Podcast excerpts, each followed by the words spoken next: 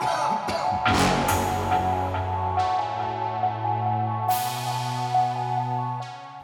posle.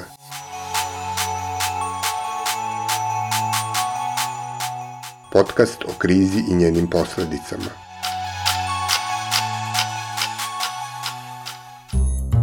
Danas je Dan Evrope, a vi slušate 28. epizodu Dana posle, specijalnog dnevnog podcasta koji se bavi društvenim i političkim posledicama pandemije koronavirusa kod nas i u svetu.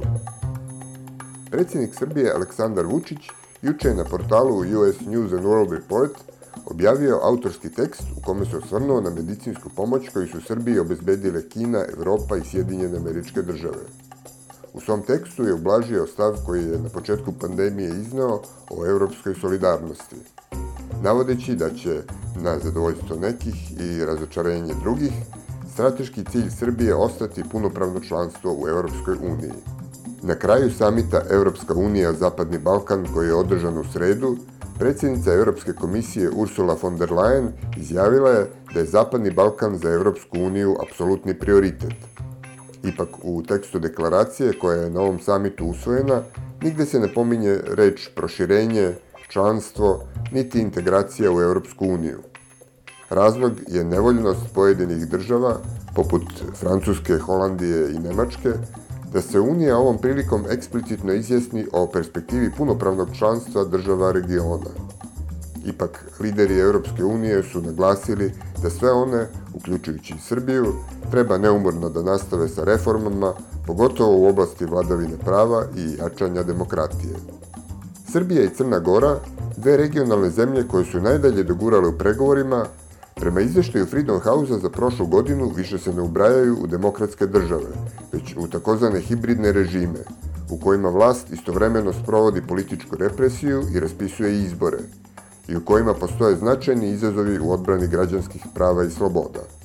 Upitan da prokomentariše to što se Srbija i Crna Gora prema ovom izveštaju više ne smatraju demokratskim državama, Evropski komesar za proširenje Oliver Varhelji Izjavio je da politiku proširenja ne vodi Freedom House i da će Evropska unija svoju ocenu o napretku zemalja Zapadnog Balkana blagovremeno objaviti. O budućnosti Evropske unije i Srbije u njoj, spoljnopolitičkim kontaktima Srbije, srpskoj zahvalnosti i evropskoj solidarnosti razgovarali smo sa Florijanom Biberom, profesorom jugoistočnoevropske istorije i politike na Univerzitetu u Gracu i koordinatorom BIPEG-a, savjetodavne grupe Balkans in Europe.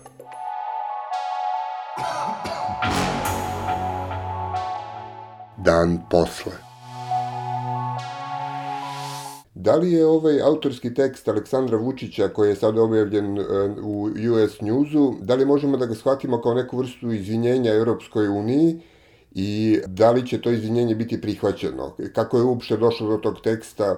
Da li je tu možda bilo neko, nečijeg diktata sa strane? Pa mislim, taj tekst je jako, mislim, čudan je, je gde je to štampano, zato što US News and World Report je jedna jako nebitna strana. Mislim, to je bio do pre 10 godina jedan od veliki e, nedeljnih časopisa kao Time i Newsweek, ali to su ugasili a, i sad u principu ima neki novine na, na svojoj web stranici, ali uopšte se ne bavi svetskom politikom, a, nije relevantno i u Americi i onda to meni jako liči na taj autorski tekst koji je Ana Brnabić objavila u Washington Times uskoro, koja je takođe jedna nebitne novine i pogotovo ako je ta sad u pitanju izvinjenje ili objašnjenje svoje izjave prema Evropsku uniju e, je jako čudno ako bi to objavljeno u nekim nebitnim američkim portalu. Znači, nije to objavio u nemačkom novinama ili u politiku koja je najbitniji internet portal za Evropsku uniju. A kome je namenjena ta poruka bila? Da li je to namenjeno čitaocima i publici u domaćoj javnosti ili je to ipak bilo nekako usmereno Evropi pa, pa naokolo? to je tako obskurno da, da, da ne znam šta je, šta je cilj. Meni se više čini da je to nešto za domaću publiku, zato što ona može da se kaže da predsednik Vučić je dao neki bitan tekst za neke američke novine i onda se zaboravi da je to nebitni, nebitni uh, portal, isto sa Washington Times, tekst od Ana Brnabića, slično, te novine niko ne čita, mislim nije to sad nešto ozbiljno, ali ljudi to pobrkaju sa, sa Washington Postom i onda, onda to zvuči za neku domaću publiku da je o, ovaj, ili vlada ili premijerka ili, ili predsednik imaju tu međunarodnu publiku, govori i objasni svoj stav prema svetu, iako u suštini nije to tako. A zanimljivo je što se u tom tekstu navode konkretni podaci od, iz kojih se vidi da je zaista Europska unija i da je Zapad davao mnogo više pomoći Srbiji nego Kina. Da li to znači sad neki mogući pomak u tretmanu e, tih saveznika spoljnopolitičkih u domaćoj javnosti? Ja mislim da već, već ranije je predsednik Vučića dao neke izjave koje naglašavaju ili za, pokazuju neki zahvalnost prema Europskoj uniji ili Zapada za pomoć, ali uvek tu on usmeri tim tom publikom koji je više recimo prozapadni, znači on šalje razne poruke i, i za e, neku poruku za prozapadne e, građani koji su prozapadne orijentisani i oni koji su više recimo proistočni, da li to Rusija ili Kina i na taj način on i u vanjskoj politici također on pokušava uvek da, da igra sa jednom stranom i sa drugom stranom i naravno mislim on, on bi bilo loš političar ako on bi sad bi prekinio sve, sve veze sa Evropskom unijom i sa Sjedinim američkim državama i se, bi se samo orijentisalo prema, prema Kinu. Znači to je više taj kao što ja sam često rekao, neki a, loša kopija Titova politika a, Jugoslavije koje se vidimo u tome, da uvek igra sa, sa svim stranama e, i svima švala poruku, ne, ne, mislim, niste me dobro shvatili, ipak, ipak ja bih hteo sa vama i drago mene vaš pomoć. Jedna od stvari koja se dogodila bitna za Srbiju u posljednje vreme je i objavljivanje izveštaja Freedom House za 2019. u koji se vidi da je Srbija e, ispala iz kruga demokratskih zemalja. Kako će Evropska unija gledati na ovaj e, pad e, statusa demokratije u Srbiji i zbog čega uopšte Evropa treba da pokazuje bilo kakvo strpljenje prema Srbiji? Šta je zapravo interes Evrope od Srbije? Ja mislim da taj, taj izveštaj uh, je naravno nešto dokazivao šta smo već znali duže i šta neki drugi istraživanje su pokazali da stanje demokracije se pogoršava u Srbiju i naravno je to neki, mislim, nije dobro i takođe nije dobro za Evropsku uniju zato što ipak Crna Gora i Srbija su te dve zemlje u regionu koje su viš, najbliže Evropskoj uniji od svih šest zemalja e, Zapadnog Balkana i u isto vreme su oni koji imaju vaj najveće probleme sa demokracijom a, trenutno a, i to je naravno neki, neka čudna poruka zato što ne, naravno nik, niko ne bi hteo da e, se e, približavanje sa Evropskom unijom znači pogoršanje stanja demokracije. Ne, mislim, naravno, nije to zbog približavanja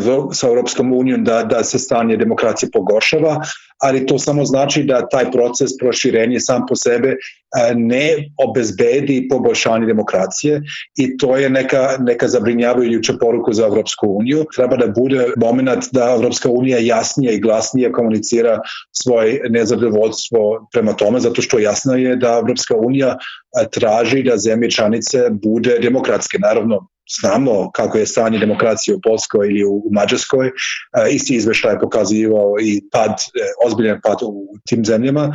I ta nova metodologija e, to ćemo, mislim, tek moramo da vidimo kako će to funkcionirati, ta nova metodologija pro, proširenje obećava a, mogućnost jasne poruke i takođe da taj proces može da stane, da ne napređuje ako stane demokracije ili vlada bi da prava se pogoršava u, u zemljama koje su proces pregovora. Pomenuli ste Mađarsku i Poljsku, e, nije tajna da postoje vrlo bliski odnosi između predsjednika Srbije i mađarskog premijera.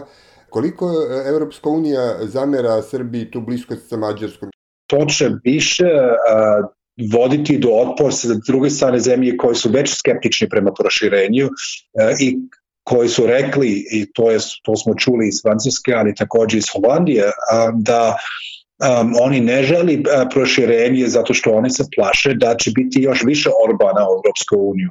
E, I uh, znači oni ne znaju kako sprečiti pad demokracije u, u Mađarskoj, ali bar ne žele da bude još više slične a, vladara u Europskoj uniju i u tom smislu što više se sprižava sa tim zemlje, što će biti veći otpor a, sa strane te zemlje kao Holandija, Danska i Francuska. I također vidim da u Nemačkoj taj recimo pozitivno raspoloženje prema Vučića padne i nije, nije kako je bilo u ranim godinama njegove vladavine. I onda također ako, ako Srbija, bar ova vlada, sadašnja vlada u Srbiji gubi podršku Nemačka, onda, onda ne može ništa da uraditi čak ako ima velike podršku Mađarske i, i Polske recimo. Da li možda Vučić bio u pravu kad je govorio o krizi solidarnosti unutar Europske unije? I ja mislim da naravno postoji neka kriza solidarnosti u Europskoj uniji. Mislim, to, to nije, nije sporno i tu vidimo naravno u kriznim trenucima je tu uvek naj, najteže zato što je to moment kad je mislim svaka zemlja gleda mislim po sebi i to naravno taj sebičnost je jako jedan negativni, mislim negativno, ali je također razumljivo i mislim ne, ne možemo da, da zaboravimo da taj sebičnost imamo svuda po svetu, nije to sad neki specifičnost za, za Evropsku uniju, mislim samo da se više očekivao od, Evropske, od zemlje Evropske unije. To je, mislim, možda naj, najbolja poruka, Evropska unija nauči od svoje krize i uvek pokušava da nešto uh, da se da promeni način na koji oni funkcioniše. To nije, mislim, alternativa nije da da ne bi bilo Evropska unija, nego alternativa je da Evropska unija nauči od svoje greške ili greške zemlje članice i da se poboljšava i to je uvek, mislim, to, zbog toga izgleda Evropska unija danas kako izgleda i to je potpuno drugačije nego pre 20, 30, 40 godina. Mislim, pre 30 godina niko ne bi očekivo da Evropska unija pomože u tim okolnostima zato što ne nije, ima još manje oplašćenje. Znači, u tom smislu to je neki spori proces naučenje lekcija od prethodne krize i probleme, a to ide naravno ponekad presporo, ali to je u prirodi e, takva vrsta konstrukcija. A šta se zapravo formalno očekuje da Srbija uradi u narednih nekoliko godina kako bi nastavila proces približavanja Europskoj uniji? I šta je od toga što se očekuje Srbija zaista spremna da učini u narednom periodu? Ako gledamo brzina reforme u prethodnim godinama u Srbiji, moramo da, da konstatujemo da ne postoje dovoljno političku volju da se radi te koraci koje su potrebno za, za članstvo. Taj proces integracije manje više stagnira i sa razlikom Severne Makedonije ili Albanije koji su bili pod blokadom, um, pogotovo Francuska Srbija nima taj izazov. Znači oni, Srbija je mogla da napređuje brže što se tiče pregovora, zatvoranje poglavlje i tako dalje, e nije to uspela i a, naravno to je deo tu širu sliku oko stanje vladavina prava i demokracije u Srbiji i to sve pokazuje po moje tumačenje neozbiljnost vlast za taj proces. Znači, postoji formalno spremnost i formalni cilj da, se, da, da postane član Evropske unije, ali ja bih rekao da vlada i e, ne radi sve što je potreban da, da dostigne tog, tog, tog cilja i da taj proces zbog toga se produžava, duže traje to smanjuje entuzijazam za članstvo kod građana zato što oni više ne veruju da će to biti uopšte realno. Ima tu dodatnu dimenziju, to je naravno odnosa sa Kosovom i taj neka odluka ili rešenje tog spora, e, što je takođe nešto što je bitno kao i izazov za, za oba dve zemlje i nije jasno kad će se to završiti. Zašto je Srbija odbila da traži svoj deo finansijske pomoći Europske unije E, regionu za rešavanje posljedica e, korone. Da li je to znak nekog namernog otklona od, od evropske politike ili je nešto drugo u pitanju? Ja sam bio takođe iznenađen od te odluke. Ne znam da je to bio iz inata ili je bio kao neka, da se šale neka poruka Evropska unija da, da Srbija može sam da, da izađe iz krize meni je to teško shvatljivo zato što ipak uprko svim tvrdnjama vlast u Srbiji ne postoje razlog zašto Srbija bi bolje prošla kroz ove krize nego druge zemlje regiona i druge zemlje Evropska unija. Mislim, svuda se govori u pad ekonomskom padu koji je ozbiljan i možda na, jedan od najozbiljnijih u Evropi od već decenijama i onda je to meni neshvatljivo i ne mogu da ne mogu da, da vidim neki recimo stručni objašnjenje zašto bi Srbije to odbili.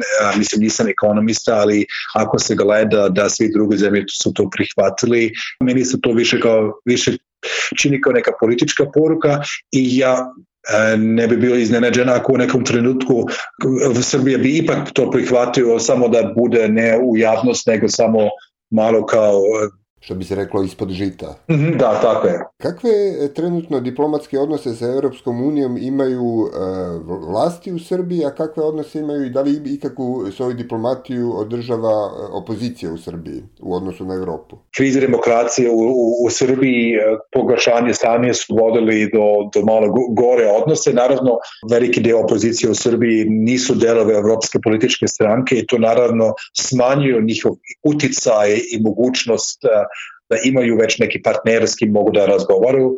A, naravno sad demokratska stranka u, u Srbiji kao deo opozicije ima tu, deo je socijalistička i socijaldemokratska stranka u Europi i ona na taj način ima neki pristup a, i partnere u Evropi, ali ja mislim da taj, to je jedan od, od mane recimo srpske opozicije da nije dobro integrisano u, u tim evropskim političkim strukturama i zbog toga nemaju tu i kontakte i onda i takođe podršku u tim političkim sukobima. Srbija je očigledno posljednjih nekoliko godina u e, sve dublje političkoj krizi koja je sad dodatno produbljena dešavanjima oko e, vanrednog stanja pandemije i sad nastavka e, izbora, izbornog procesa u Srbiji kakvu bi ulogu u, narednih, u narednom periodu mogle da odigraju vlast i opoziciju u Srbiji kako bi možda pomogli da se popravi pozicija Srbije u sledećem izveštaju Freedom House-a?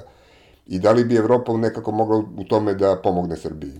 Pa ja mislim da Evropska unija bi mogla da bude puno jasnije u svom u svojoj kritici ili svoje, svoj analizu šta je problematično u stanju demokracije u Srbiji. Takođe šta se tiče izbori, uh, mislim, uh, te izbori ko, koje su sad predviđene će biti još manje, mislim, će biti još teže održavati u, i da bude slobodne izbore u sadašnjim okolnostima nego pred pandemije i u tom pogledu bi bio jako bitno da bude neka jasna poruka sa strane Evropska unija da te izbore treba da se organizuju u nekim okolnostima gde nema bojkot opozicije, znači gde se ispuni neke uslove koji omogućavaju demokratski, demokratski izbori. Mislim da, da, da vlast u Srbije ne, nije u stanju da odbije ako bi stigla takva jasna poruka, mislim to smo već videli kad je bio taj u, u vreme vanredne stanje, kad je bio taj pokušaj da se kontroliše medije, sloboda medija i onda je to bio ukinut u, u jako kratkom roku. Znači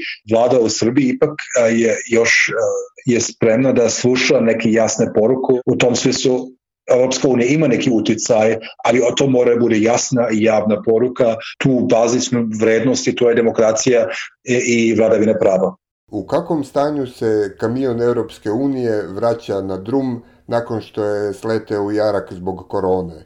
Kako su institucije i duh i sama ideja Europske unije preživeli koronu? Imali smo dosta krize prethodnih 15 godina, znači ima tu ekonomsku krizu 2008. ima eurozon kriza 12. 13. godine, ima takozvana migrantska kriza 14. 15. ima Brexit 16. godine i svaki put su dosta ljudi rekli da to je kraj Evropska unija, Evropska unija neće preživiti to i svaki, svaki put je Evropska unija ipak naša neki način da prežive zato što Evropska unija ispunjava potrebe građane i zemlje članice, znači nema alternativu, znači alternativa jeste da se poboljšava Evropska unija, ali ja mislim u tom smislu ta kriza pokazuje naravno neki mane Evropska, Evropska unija, ali to ne znači da Evropska unija će raspasti zbog toga. Možda je sada prilika da se malo ozbiljnije e, razmisli o reformama i šta se može poboljšati. Ja mislim da da su te prethodne krize malo propuštene šanse da se e, razgovara o tom načina koje Evropska unija može bolje da odgovara na te zahteve i, i kritike i probleme koje smo videli u, ne samo sada, nego u prethodnim 10-15 godina.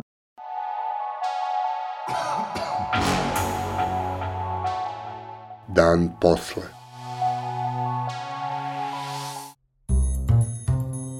Bila je ovo epizoda dana posle za 9. maj 2020. godine. Novu epizodu s novim sagovornikom moći ćete da čujete u utorak 12. maja. Pridržavajte se mera zaštite od koronavirusa, čuvajte svoje i tuđe živote i ne ćutite pred glupošću i nepravdom. Dan posle je specijalno izdanje Tačke ključanja, autorskog podcasta koji se realizuje uz podršku građanskih inicijativa. Redakcija Ilir Gaši, Tara Petrović i Aleksandar Gubaš. Urednik i voditelj Aleksandar Gubaš. Muzika Zeifel Ibn Sound.